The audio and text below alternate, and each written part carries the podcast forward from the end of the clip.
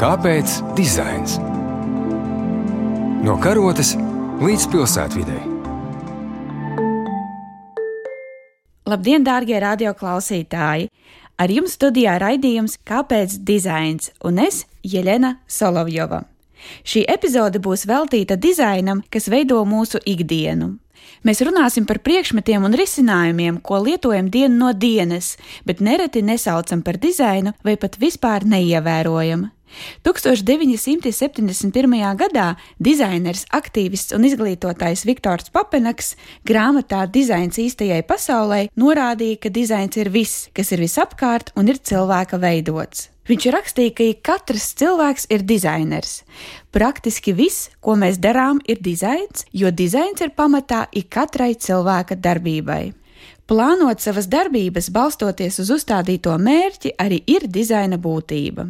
Jebkurš mēģinājums atdalīt dizainu, padarīt to par kaut ko īpašu, darbojas pretēji tam, ka dizains ir dzīves pamatsastāvdaļa. Mēs nodarbojamies ar dizainu, sacerot dzējoli, gleznojot mākslas darbu, rakstot skaņdarbu, bet arī rakstām galda atvilknes sakārtošana, sāpoša zobu izraušana, ābolu pīrāga uzcepšana un bērnu izglītošana ir dizains. Ir pagājuši gandrīz 50 gadi, kopš ir uzrakstīta šī grāmata, taču par dizainu joprojām mēdzam spriest neprecīzi. Latviešu valodā mēs šim vārdam nepiešķiram darbības vārda nozīmi un koncentrējamies uz dizainu kā gala rezultātu, pie tam nereti vēlamies to izcelt kā kaut ko īpašu. Dizaina krēsli, dizaina somas, dizaina interjeri, dizaina risinājumi, dizaineru dizains vai dizains dizaina cienītājiem. Mēdzam jebkurai lietai pievienot vārdu dizains, lai tā kļūtu kaut kā īpašāka, bet lietas vai pakalpojumi bez dizaina komponentes pēc būtības nav iespējami. Esmu šodien studijā aicinājusi divas zinošas ekspertes - dizaina vēsturnieci, izglītības programmu kuratori un vārds dizaina programmas vadītāju dekoratīvās mākslas un dizaina muzejā Jekaterinu Potašovu, kā arī mākslas zinātnieci, dizaina kritiķi un Latvijas Nacionālās bibliotēkas izstāžu projektu vadītāju Andu Bolužu. Esmu Jekaterina, jeb Kate. Ja man būtu jāatbild uz jautājumu, kas, manuprāt, ir lielisks un noderīgs, ko ikdienā lietojam, bet par kuru dizainu neaizdomājamies, es teiktu durvis, jeb durvju aizvēršana. Jo um, kopš durvju izgudrošanas vienmēr bija tā problēma, ka atvērtas durvis ir jāaizver. Un kopš pašiem arī sākumiem pārsvarā izmantoja gravitāciju.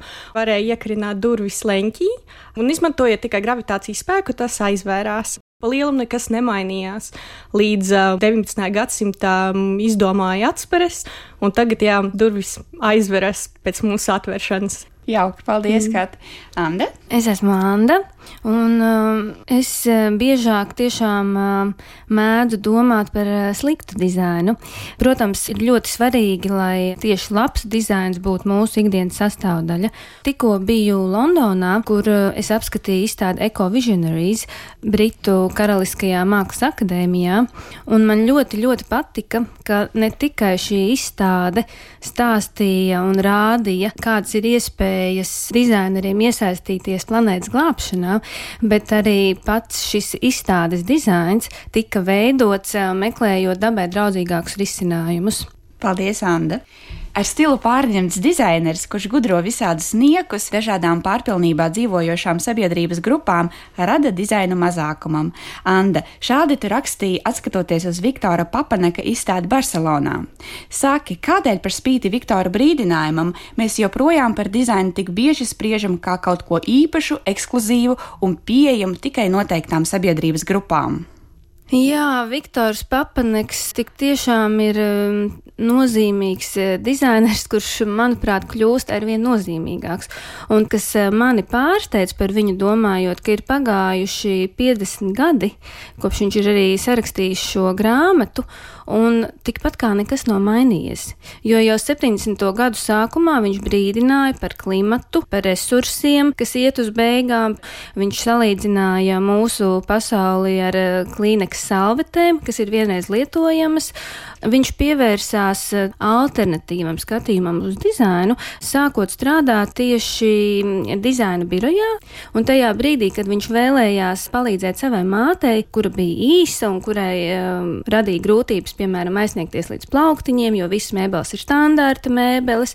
Tad eh, dizaina mm, biroja vadītājs, slavenais amerikāņu dizainers Raimons Levī, tā nicīgi par to izteicās un teica, vai tiešām mēs tagad domāsim par vecām īsām kundzītēm.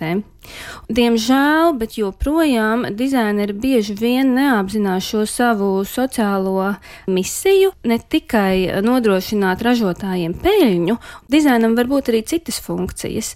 Es domāju, ka tas koncepts, dizains ir kaut kas īpašs, ir meklējums sabiedrībā, jo mēs esam savas sabiedrības atspulgs, un, ja paskatās, par ko raksta žurnāli, kādas izstādes notiek, un pārsvarā tās viss ir kāda ļoti slavena dizainera vai brenda glorificēšana.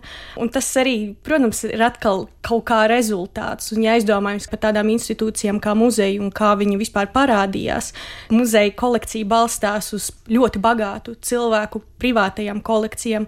Un, protams, to, ko viņi kolekcionējuši, ir kaut kādi piemēri, kuru taisīja slavenākie modes dizaineri, slavenākie krēslu dizaineri. Tā mēs iepazīstamies ar to muzeju, mēs neiepazīstamies ar kādiem vienkāršiem priekšmetiem, un tā mēs arī turpinam to ciklu, kuru pārtraukt ir ārkārtīgi grūti. Manuprāt, ir arī valoda, kā mēs uzrunājam, kādus vārdus mēs lietojam, ģēnijs vai ikonisks, vai arī ļoti sarežģījam kādas lietas. Pilnīgi piekrītu Katē par eh, šo valodas nozīmi. Un es domāju, ka arī šīs izstādes parāda, ka šī dizaina jaunā virzība ir tieši valodas virzienā, jo dizains var būt kā valoda, kas palīdz runāt par ļoti sarežģītām lietām, tā skaitā par pasaules piesārņojumu, par klimata izmaiņām, jo dizaineriem ir tā iespēja šīs sarežģītās lietas izskaidrot daudz redzamākā, vizuāli saistošākā formā, un tādā veidā arī veidojot izpratni par to, kur tad pasaule virzās. Parunāsim par dizainu vairākumam. Izstāstiet mūsu klausītājiem vairāk par dizainu, ar ko mēs saskaramies ikdienā. Dizains, manuprāt, ir ārkārtīgi poētisks, it īpaši ikdienas dizains, jo ir tik daudz katram priekšmetam apakšā stāstu.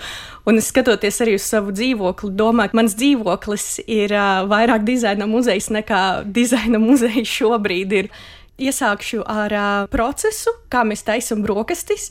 Tas veids, kā mēs ēdam, ir tiešām mainījies pavisam nesen, jo aizdomājieties, arī mums ir sagriezta maize, kas jau ir arī dizaina priekšmets pats par sevi. Un, protams, ir arī elektriskā teikana, tosteris. Visi tie procesi pātrina to tempu, kādā mēs varētu uztaisīt sev brokastis un ietaupīt laiku. Protams, kas mums apkārt notiek, ir noticis kaut kad arī pagātnē. Laikam vissvarīgākais, ko man gribās pateikt, ir tas, kad vēsture atkārtojas. Piemēram, es iedomājos, kinoteātrī rāda translāciju no Laskalas un liekas, wow, kaut kas jauns un neredzēts, bet, kad izgudroja telefonu, viens no pirmiem um, veidiem, kā to izmantoja.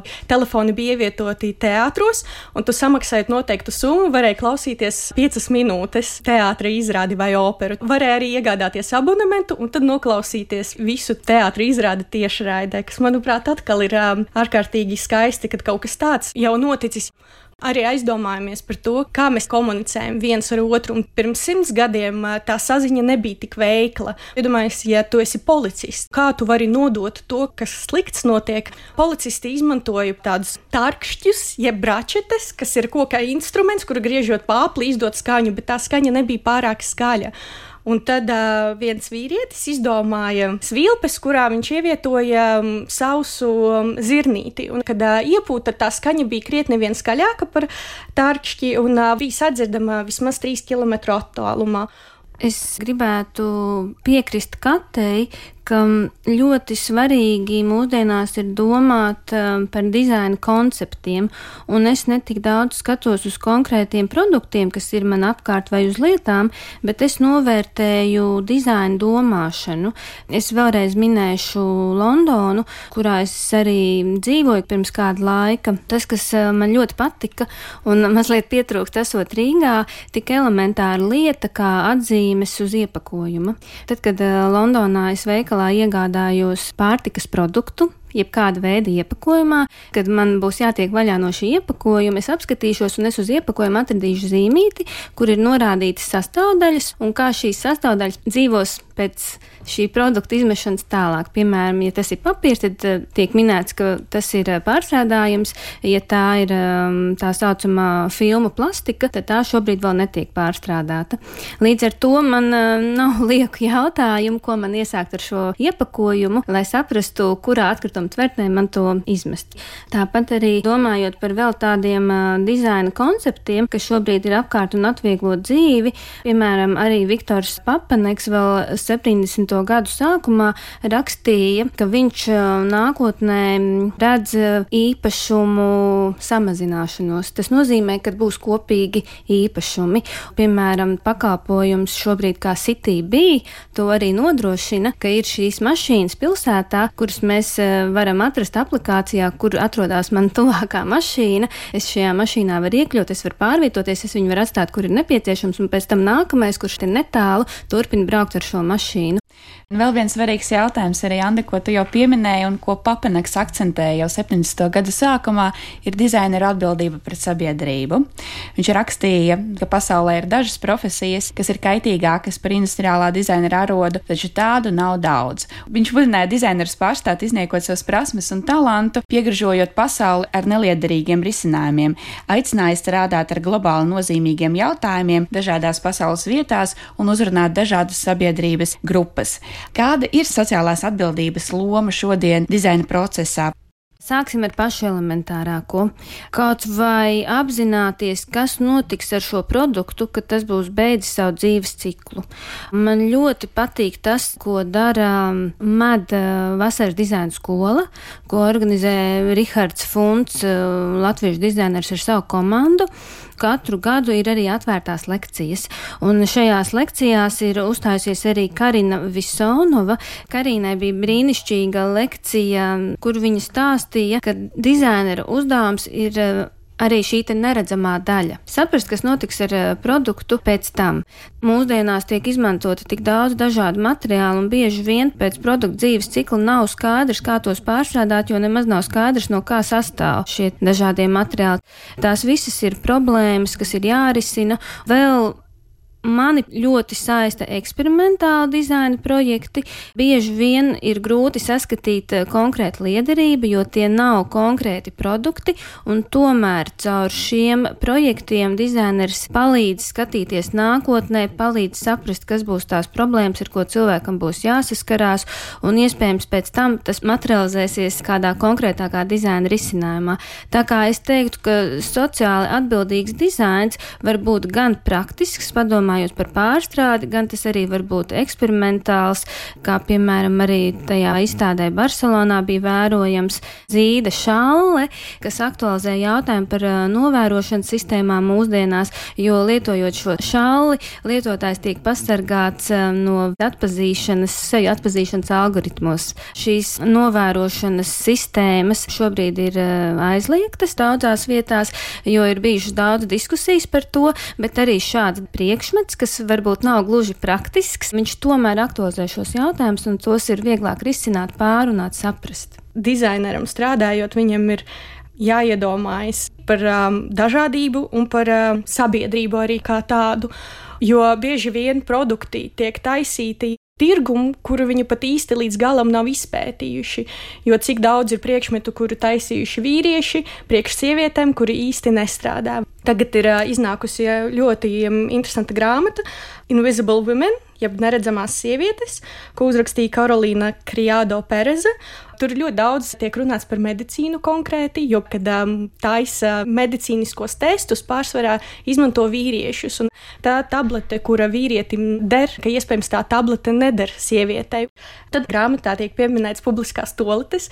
Dizains principā vīrieši un sieviešu toaletei neatšķirās ne ar ko izņemot to, ka sievietēm uh, daļu no telpas aizņem uh, pārtināmais galdiņš, un respektīvi paliek mazāk kabīnīšu. Kāpēc mēs zinām, ka sievietes sievietes pavada um, toaletēs ilgāku laiku un vīrieši īsāku laiku, un kāpēc to nevar ņemt vērā? Ja tu esi um, kāds konkrēts cilvēks, tu nevari iedomāties līdz galam cita cilvēka pieredzi. Tieši tas, ko minēja Kate, par to ir arī runājis Viktors Papaneks, kur mēs šodien bieži pieminam. Viņš savukārt uh, minēja kā piemēru sekretārs krēslu. Šobrīd uh, varbūt apzīmējums sekretāra nav vairs tik bieži sastopams, bet 70. gados tas tā vēl bija. Un sekretārs savā krēslā pavadīja visu darba dienu, Bet šī standartizētā sistēma, kas tobrīd eksistēja, bija balstīta uz uh, vīriešu augumu Pirmkārt, otrkārt, šo lēmumu par to, kāds izskatīsies krēsls un kādu krēslu konkrētu ražot, pieņēma ne pašas sekretāris, bet uzņēmuma vadītāji. Un Viktors Papaneks uzskatīja, ka tas ir absolūti nepareizi. Pirmkārt, būtu jābūt konkrētiem sieviešu auguma mērījumiem, uz kā balstīt šī dizaina izstrādi, un otrkārt, pašā arī izpētes procesā būtu jāaicina sekretāris. Un tas ir ļoti, ļoti svarīgi, ka šis lietotājs pats tiek iesaistīts rezultātā izveidē. Un arī runājot par krēslu, es atcerējos grāmatā Neredzamās sievietes klavieru meistars saka, ka um, klavieru spēlētāji iedalās divās daļās. Tādi, kuriem ir mazas rokas, un tādi, kuriem ir lielas rokas, nebūtu nedomājot, ka nodalījums ir tikai starp vīriešiem un sievietēm, jo viņam pašam arī ir tās mazās rokas, un viņš principā saka, ka viņš visu dzīvi ir mocījies, un klavieres viņam īsti neder, jo taustiņi ir pārāk plati. Tu vari kvalitatīvi spēlēt klavierus tikai tad, kad tev ir tās lielās rokas vai jā, plats atvērums. Un tāpēc arī klavieru spēlētājs iesaistījās procesā un gribēja uztaisīt klavierus, kuriem taustiņi nedaudz šaurāki. Un līdz ko viņš sāka spēlēt uz tām klavierēm, viņš saka, ka viņam pilnīgi dzīve mainījās un viņš kļuva par labāku spēlētāju. Un tāpēc ļoti daudz kas nāk līdzi no pagātnes, kaut vai tie nērtie krēsli vai kādi instrumenti, kuras rokas tiek mērītas. Un vienmēr tā kā jāizdomājas par tiešām ļoti vienkāršām lietām, kas mums mums ir apkārt, kāpēc viņas ir tādas, kādas viņas izskatās, un kurš ir taisījis tās lietas. Jā, dizains ir mums visapkārt, un tas nevienmēr ir veidots atbildīgi. Tādēļ ir svarīgi runāt, kā jūs arī paši jau uzsvērāt, ne tikai par labu un par lielisku dizainu, bet arī par dizaina kļūdām, un nekautrēties analizēt arī sliktu dizainu. Katita sāka ar to, ka vēsturiski interesants piemērs ir durvis, bet es savukārt sacīšu, ka durvis patiesībā ir viens no piemēriem, kas ļoti bieži mūsu dzīvēs arī nestrādā. Cik bieži mēs esam saskārušies ar durvīm, kas veras neintuitīvā virzienā, vai, piemēram, ar elektriskajām rozetēm, kas dažādās pasaules vietās pieprasa savu noteiktu konfigurāciju, vai ūdens krāniem, kuru priekšā mēs mulstam un jūtamies nepietiekami izglītot, jo mēs nesaprotam, kā šo ierīci ieslēgt, kā to darīt darbināt. Kā lai mēs saprotam, ka vainīgi neesam mēs, bet ka vainīgs ir dizains, ar ko mums sākt? Es teiktu, slikts dizains absolūti nav retums ikdienā. Es pat esmu ievērojusi, ka mūsdienās bērnu rotaļlietas bieži vien ir slikta dizaina piemērs. Ir ļoti grūti pirmām kārtām tās izpakot, otrām kārtām ir tik daudz eh, nevajadzīgu detaļu šajos iepakojumos. Ļoti būtiski bērnus jau kopš mazotnes tomēr radināt pie laba dizaina un arī skaidrot, eh, ko nozīmē labs dizains. Nu, jā, es šaubos, ka jebkurš dizainers iesāk darbu ar domu, ka kā lai uztaisa kaut ko sliktu.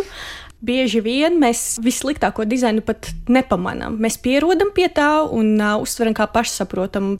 Piemēram, man ļoti iespiedās atmiņā tavs pirmais raidījums, kad tu gāji uz Rīgas dzelzceļa staciju un uzdevi cilvēkiem, vai var visu saprast kā atrast peronu vai ceļu, un ka cilvēkiem bija tāds, nu jā, nu ar laiku jau iegais, un tur tā lieta, ka mēs pierodam un vairāk nedomājam par to.